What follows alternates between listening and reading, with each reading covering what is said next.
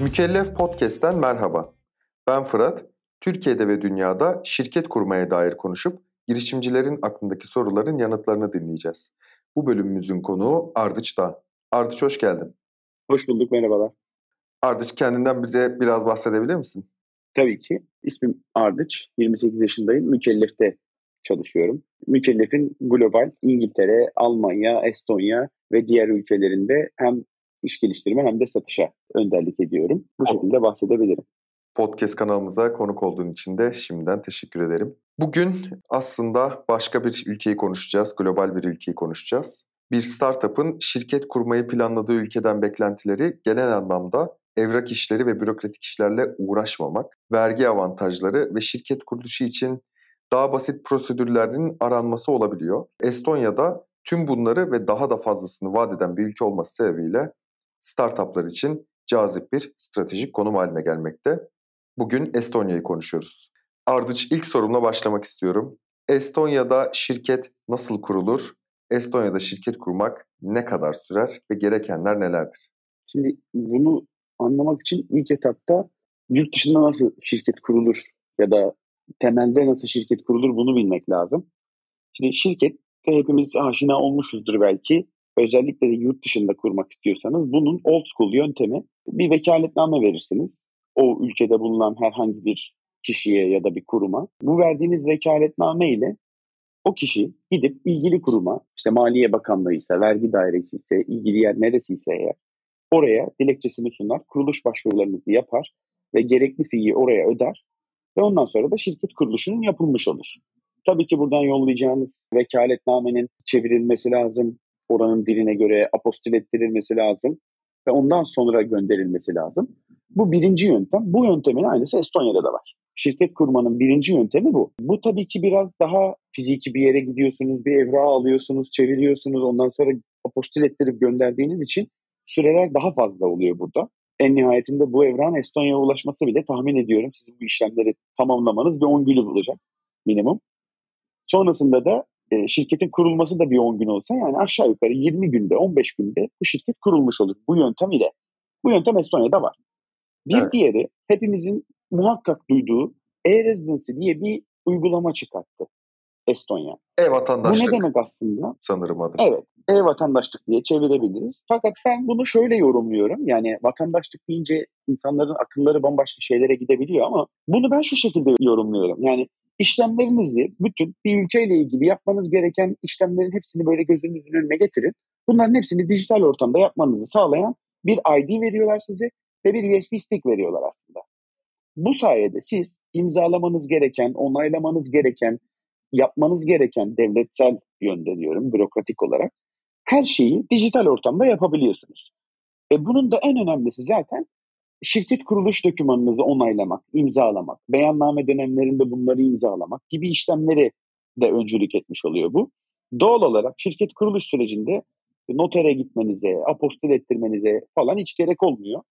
Kuruluş için temelde yapmanız gereken şirket türü, şirket ismi, faaliyet alanları, ortak, director bunların bilgilerini sunup kuruluş dokümanınızı hazırlayıp e-residency ID'nizde bunu onaylamak kalıyor sadece. Onayladıktan sonra bir state fee var yine. Bunu ödenmesi gerekiyor. Ödedikten sonra da 5 gün içerisinde şirket kurulur. E-residency'yi alma burada biraz süreli bir işlem. Çünkü artık Başvuruyu aslında yaptıktan... e-residency e, sadece e, şirket kurmayla alakalı bir konu da değil. E, bir ülkeden vatandaşlık almaktan bahsediyoruz değil mi? Yani Tabii san, sanal ortamda vatandaşı gibi olmuş oluyorsunuz. Her türlü hakkınız var onu edindikten sonra. Evet. Bütün yani Estonyalılar dijitalde ne iş yaparlarsa siz de bu e-rezidensi ile birlikte onu yapabiliyorsunuz. Başvurusu da o yüzden zaten. Başvuruyu birebir kendinizin yapması yapılması gerekiyor. Onların İçişleri Bakanlığı, Polis Departmanı yaptığınız başvuruyu birebir inceliyor. Ve o yüzden 4 ay sürüyor zaten. Tamamen ID'nin sizin elinize geçmesi, bütün e, onaylanma süreçleri bu süre yani 2-4 ay arası verilen resmi süre bu. Bizim kullanıcılarımızdan hepsine 2 ay içerisinde, 2,5 ay içerisinde teslim ediliyor bu e-residency ID. Ondan sonra da dediğim gibi hemen hızlıca kuruluşları yapıp 5 gün içerisinde şirket kurulmuş oluyor. Çok güzel. Bu ev vatandaşlık konusu bence e, ayrı bir e, podcast'in şeyi de olabilir, konusu da olabilir. Çünkü bir ülkenin sanal olarak dahi olsa vatandaşlık verebiliyor olması çok büyük avantaj. Hem Avrupa'da olduğu için avantaj hem de şirketleşirken insanlar e, bunun Avrupa'da kurmanın avantajlarını görebilecekleri bir durum var, bir senaryo var. E, daha fazla üzerine konuşulabilir gibi geliyor bana. Kesinlikle. Ardıç şirketimizi Estonya'da kurarken diyelim ki kurduk. Hangi şirket türlerinde kurabiliyoruz? Türkiye'de e, malum işte şahıs şirketi var, sermaye şirketleri var. Estonya'da da bunun muadili olan e, şirket türleri var mı? Şöyle ikisinin mix edilmiş hali var. Private Limited Company ya da onların lisanında OÜ diye geçer. OÜ. OÜ evet. Bu Private Limited Company demek. Özel limited şirketi. Bu özel limited şirketi şahısla limited şirketinin birleşmesi aslında ya da sermaye şirketiyle şahıs şirketinin birleşimi olabilir. Benzeri şirket türü işte her ülkede var zaten. Yani İngiltere'de de var özel limited şirketi, diğer ülkelerde de var. Estonya'da da bu şirket kurulabiliyor. OÜ uzantılı şirket. Yani bugün e, bir şirket açmak isterse e, Ardıç, Ardıç OÜ olarak şirketini kurabiliyor. Tabii isim olarak onu tercih edersek Ardıç OÜ olur ya da Fırat OÜ olur. Sanırım e, dünyadaki en enteresan safikslerden biri olabilir. Yani bu şirket ünvanlarından birisi olabilir OÜ. Benim içim rahat bu konuda. Yani sevdim çünkü Ü harfleri var ve mükellefi telaffuz edebilen tek ülke bana göre. Layığıyla telaffuz edebilen. Yani mükellef demede hiç zorlanmadı bizim oradaki iş ortaklarımız, Estonyalı iş ortaklarımız. E, mükellef demişken bu arada şu ana kadar mükellefin e, Estonya'da kurduğu şirket sayısı tam sayı olmasa bile e, ortalama sayı ve hangi faaliyet alanlarında şimdiye kadar daha çok şirket kurduğumuzu da senden öğrenebilir miyiz?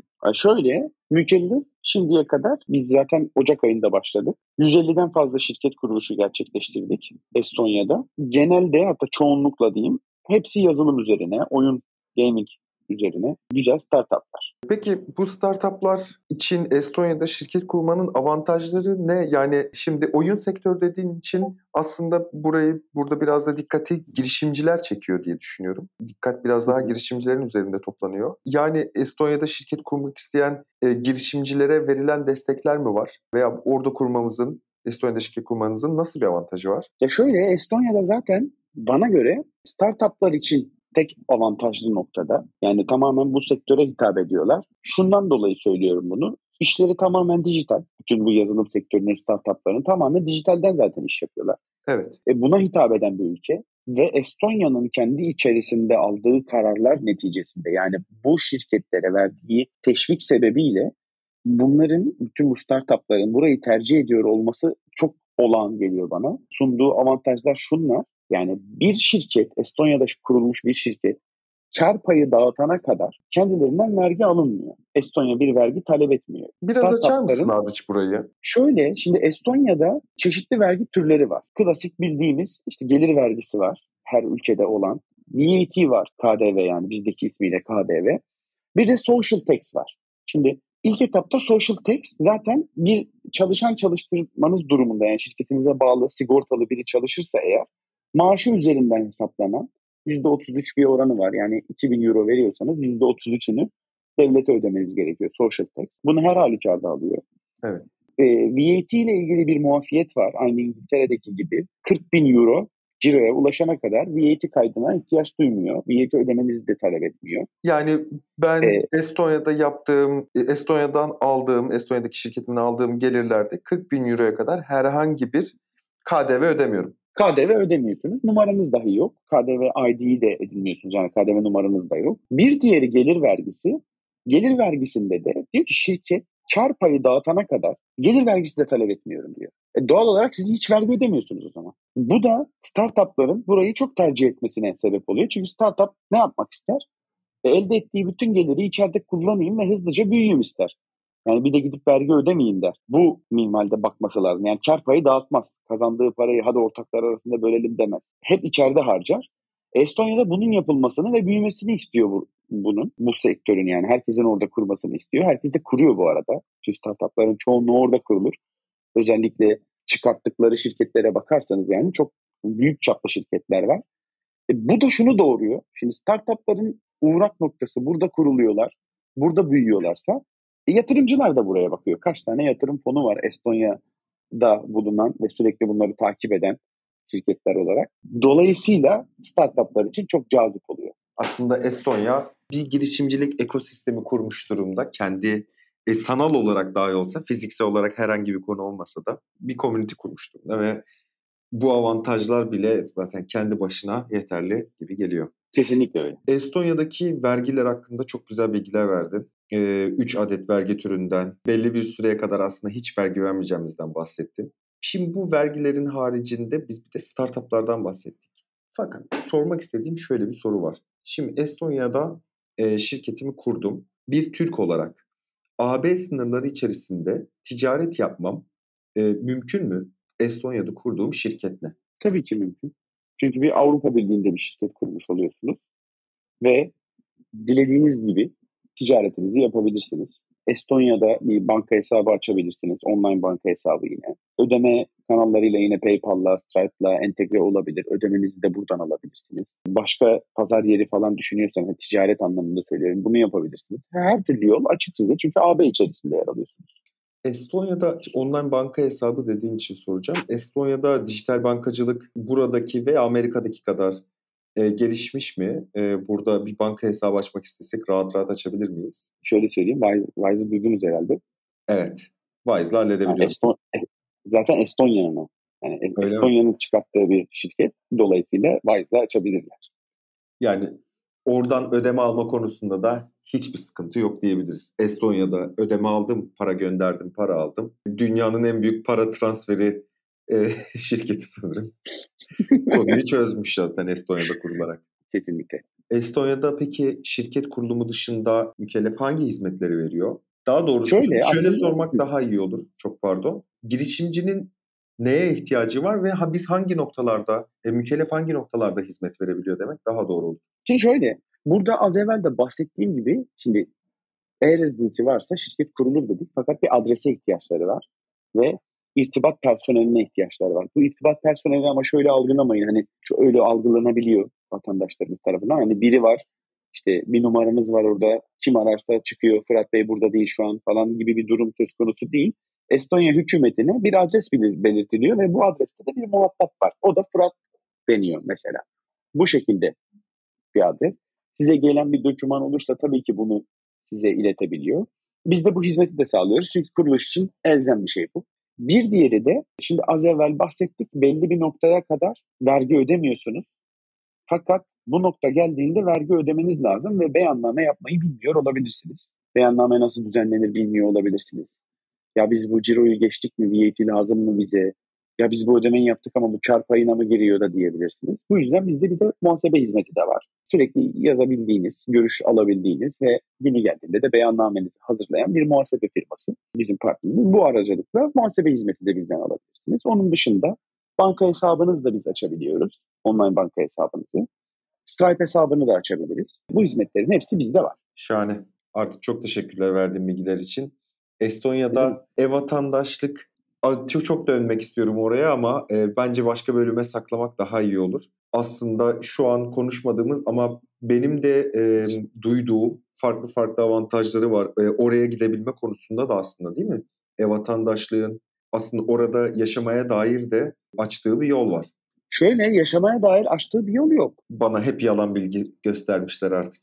Hep ya, yalan zaten şu, yani isminden dolayı yani bize dönüşü zaten bu şekilde oluyor yani. E-residency, e-vatandaşlık tamam vatandaşlık. Başındaki E'yi de hani şey yapmıyorlar fakat halbuki e-vatandaşlık bu ID'ye sahip oluyor olmanız size benim mesela e-residency'm yok. Birlikte senin olsun mesela. Biz birlikte vizeye başvuralım. Biz aynı kategoride değerlendirileceğiz. Ama şunu söylüyorsan eğer senin e-residency'in var ve bir şirket kurmuşsun. Güzelce paralar kazanmışsın. İyi bir ciron var. Oh, oh, oh. Ee, efendime söyleyeyim vergilerini ödemişsin. Bir muhasebecin var. Orada bir adresin var. E sana tabii ki vize verirler yani. Vizeye başvurduğun vakit. Hatta senin için daha iyi olan az evvel söylemiştin hani belki bilerek belki bilmeyerek bilmiyorum. Çok güzel bir startup komünitesi yaratmışlar diye. Evet. Şimdi bunu bir adım ileriye taşımışlar aslında. Şöyle, şimdi bir startupsanız ama gerçekten startupsanız yani bir büyüme stratejiniz varsa, marketing stratejiniz varsa, bir karlılık planınız varsa ve elinizde bir product varsa yani beta sürüm olabilir bu e, yoksa çıkmış şu an hala hazırda satılan bir ürün olabilir. Dijital bu. bir ürün tabii değil mi bu arada? Dijital bir ürün tabii ki. Hı hı. Böyle bir ürün varsa eğer bir startup komüniteleri var gerçekten. Ve buraya bir başvuru yapıyorsunuz. Ha gerçek bir Benim- komünite var. Gerçekten bir komünite var. Evet. Buraya bir başvuru yapıyorsunuz. Ne iş yaptığınızı anlatıyorsunuz. Az evvel bahsettiğim ve daha onlarca kritere cevap veriyorsunuz. Kendinizi tanıtan tabii ki bunlar. Yani kar oranınızdan müşteri edinme maliyetinize, pazarlama stratejinizi ve pazarlama stratejinde kullanacağınız paraya kadar bütün her şeye cevap verdiğiniz Evet. bir e, soru silsilesi var. Sizi değerlendiriyorlar. Bu başvuruyu yaptıktan sonra eğer onay alırsanız startup komünitesine kabul ediliyorsunuz. Ve burada işte buraya kabul edilmiş işte Bolt olabilir, Wise olabilir, diğer bütün girişimler olabilir. Buraya kabul edilen herkesin dahil olduğu bir komüniteye üye oluyorsunuz. Ve sürekli bir bilgi alışverişi yapabilirsiniz bununla. Network sağlayabilirsiniz. Ayrıca bunu edindikten sonra bütün hissedarlar yani şirket ortakları, çalışanları Estonya'ya başvurup vize başvurusunda bulunabilir. İşte 5 yıl oturum alabilirler. Ortaklar ve çalışanlar mı dedim ben mi yanlış duydum? Ortaklar ve çalışanlar. Bu vize yani bu startup komünitesine üye olduktan sonra bu vize türüne başvurabilirler ve başvurduktan sonra da 5 yıl resident olurlar orada. Bu o kadar büyük bir haber ki aslında şu anda sanırım değil mi? Yani planı olan bir startup'ın Estonya'da e, şirket kurmak, ev vatandaşlık almak için başvurduktan sonra tüm çalışanlarıyla birlikte oturum vizesi alarak çalışabildiği bir e, senaryoda yaratmışlar. Kesinlikle öyle. Hatta bunu şöyle, şöyle de yapabilirsiniz. İlla şirket kurmanıza da gerek yok. Şirket kurmadan başvuruyu yaparsanız startup komünitesine kabul alırsanız şirket kurun. Bunlar çok büyük haberler. Yani Ee, sırf bunun için kuruyorsanız eğer şirketi önce bir başvuru yapın kabul olursanız sonra şirket kuruluşu yaparsınız. Zaten kabul olduktan sonra vizeye başvurmak için şirket kurmanız gerekiyor. Bu, bu, bu çok büyük bir haber. Bence e, bir mail adresini söylersen eminim şu anda dinleyenlerden e, ben, bence ilgisini çeken olacaktır. Bir mail adresini söylersen bence detaylı bilgi almak için bazı arkadaşlarımız yazabilir. Ee, şöyle bizim web sitemizden Estonya ürünü seçip bizim ilgili arkadaşlarımızla zaten birebir toplantı alabilirler. Bu toplantıda da zaten bunların bilgileri tabii ki veriliyor ve başvuru yapabilecekleri sitenin adı da söyleniyor onlara. Şahane. söyleyebiliriz. Girip başvuru yapabilirler. Hiç değilse şeyleri görebilirler. Yani kafasında böyle bir fikir olan bile buraya bir girse işte başvuru şartlarını, sordukları soruları görür ve ona göre bir plan belirler kafasında. Daha yolun çok başında olanlar için söylüyorum. Tabii çok büyük bir karar çünkü. Ardıç son sorum e, Estonya'da şirket kurulum süreçlerinde az önce de bir, birkaç güzel örnek verdin. Hiç böyle karşılaştığın ilginç bir e, olay deneyim oldu mu? Senden bunu alalım. Ya şirket kuruluşu yaparken e, çok farklı bir olaya denk gelmedik aslında. Yani böyle çok şaşırtıcı işte örnekler, vakalar bize denk gelmedi. Fakat şöyle bir olay denk geldi. Biz işte Ocak ayında açtık Estonya'yı resmi olarak. Ben de daha evvelinden işte Kasım gibi falan, geçen sene Kasım gibi, Ekim gibi, yani tam bu 2021 zamanlar, Kasım. 2021 Kasım, Ekim bu aylarda e-residency ile sürekli görüşme halindeydim. Yani Estonya hükümetiyle sürekli görüşme halindeydim ki şeyi anla, yapmaya çalışıyordum. Yani mevzuatı anlamaya çalışıyordum. E-residency'ye doğrudan gidip başvuru yapmasınlar. Hani bizden başvuru yapsınlar ya da biz hani yormayalım müşterimizi diye, kullanıcımızı yormayalım diye. Bunları müzakere ederken tanıştık. Sürekli e, toplantı halindeyiz. Ocak ayında biz çıktığımız zaman Estonya'ya resmi olarak ben bunun da linkini göndermiştim. Oradaki görüştüğüm Hükümete. e, hükümete göndermiştim. Biz yani yaptık. Teşekkür ettim onlara falan. Şubat ayı gibi onunla biz Ocak'ta çıktık. Şubat ayı gibi bana mail attılar ve dediler ki hani ya Türkiye'den e-residency başvurusuna inanılmaz bir talep var, bir yükseliş var. Yani olağanın çok dışında bu. Bunun hani sebebi siz misiniz? Çok merak ediyoruz. İşte iki ay oldu biliyorum ama ne kadar başvuru aldınız? Ben de dedim ki biz 70'in üzerinde başvuru aldık. Hepsini de e-residency almaya gönderdik. Bundan dolayı artmış olabilir belki dedim. Çünkü ilk etapta hani size yani bizim kullanıcımız bize gelse de biz ilk etapta e-residency almaya gönderiyoruz. Yani şirketi iki ay sonra kurmuş oluyoruz onun ama e-residency'ye göndermiş oluyoruz. Hiç maile hiç cevap vermediler. Maile cevap vermediler. Dedim ki maile cevap verme ben onu yazdıktan sonra. Aa, Hani biz şu kadar yaptık falan diye. Derken bir hafta falan geçti üzerimden. Adresimi sordular bana. nerede yaşıyorsun hani yerin neresi senin diye. Ben de yani verdim ama korkarak verdim şimdi. Evet. hükümeti istiyor. E-rezidency başvuruları çok arttı. Siz misiniz bunun sebebi hani suçlayıcı bir ifade gibi geldi bana. Adresi de verdik yani artık yapacak bir şey yok. Derken ofise bir geldim bir gün. Estonya hükümetinden ardışlığa bir, bir şey gelmiş, bir kargo gelmiş. Kargo hediye olduğunu bilmiyorum. Kargo bir şey. şöyle, şöyle kalınca ve bir kol boyu kadar bir çikolata göndermişler. Aa. Üst, üst, üstünde bir de not var. Hani başarılarınızdan dolayı tebrik ederiz. İşte böyle, devam, keep going falan gibi bir şey yazmışlar oraya. Çok Bir de iyi. bütün e-rezidency, e, hükümetin e-rezidency kanadında çalışan bütün ekibin bir de fotoğrafını koymuşlar. Herhalde bize özel çekildiler bilmiyorum. Yahu. E, böyle bir şey yaşadık işte. Bu, bu bana il- ilginç gelmişti yani. Bizim Evet. için normalde hani bu, bu gerçekten beklemediğim bir şeydi. Ben çok çok daha bir şey bekliyordum işte. Est- Estonya'nın e, istihbarat ajanları gelip beni ters kelepçeyle alacaklar. Niye bu kadar başvuruları arttırdın falan bekleyecekler zannettim. Böyle diyecekler zannettim. Ters yani çikolata gönderdiler. Estonya e, hükümetinin çikolata gönderdiği nadir e, kişilerden birisin diyebilir miyiz o zaman? Bilmiyorum başka kime gönderdiler ama yani evet öyle diyebiliriz. Tallinn şehri bizi sevdi. Ben çikolatayı aldım diyorsun. Kim başka kime geldiyse beni ilgilendirmiyor. E, Herhalde yaşanabilecek en ilginç olaylardan biri olabilir ya. E, bir hükümetin başvuru sebebiyle çikolata göndermesi. Çok da tatlı bir jestmiş. Gerçek anlamda tatlı. Evet. Yani bunun bir, bir komik hikayesi daha var. İşte bunu ben şey söyledim yani. Ee, hem üstlerime söyledim hem pazarlama departmanımıza söyledim. Bize böyle çikolata geldi diye. Aa bunu hani fotoğraf çekelim işte bir yerde tanıtalım şöyle yapalım falan dediler. Yapamayız dedim. Çünkü yedik yani.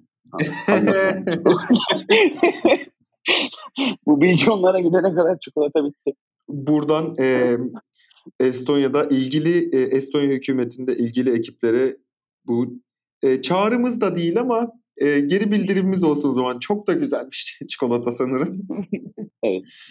Estonya'ya o yüzden özel bir ilgimiz var. Bizi çikolatayla motive ediyorlar. Biraz daha sayıları arttırıp daha fazla çikolata inşallah. Bu sene de hedefimiz çikolatayı kapmak. Çok güzel. Artık çok teşekkürler bu bölüme konuk Ben olduğun için. Ben teşekkür ederim. Çok son derece keyifliydi. Çok teşekkürler. E, Estonya için son olarak eklemek istediğim bir şey var mı? Sonra da kapanış yapalım. Tamamdır. Ya şöyle bütün yayında da bahsettim zaten. Bilinen çok yanlış var aslında Estonya ile ilgili. Çok büyük beklentiler de var. Ama hani do- her yerde yayınlanan bilgiler maalesef doğru doğru bilgi olmayabiliyor. Bu konuda bizim her ülkede olduğu gibi yani mükellefeye basit bir kayıt gerçekleştirip Estonya'yı seçerlerse eğer oradan ilgili ekip arkadaşından e, ücretsiz randevu olabilir, alabilirler. Bir meeting yapabilirler onlarla. İşte yarım saatlik, 15 dakikalık nasıl arzu ederlerse ve akıllarına takılan bütün soruları sorup doğru bilgiyi edinebilirler. Bu ücretsiz bir şey. Yani bu, lütfen bunu alsınlar eğer soruları varsa, böyle bir düşünceleri varsa biz de yardımcı olmaktan büyük keyif alacağız. Şahane. Çok teşekkürler. Görüşmek üzere. Mükellef Podcast'in bu bölümü sona erdi. Bir sonraki bölümde görüşmek üzere. Kendinize iyi bakın.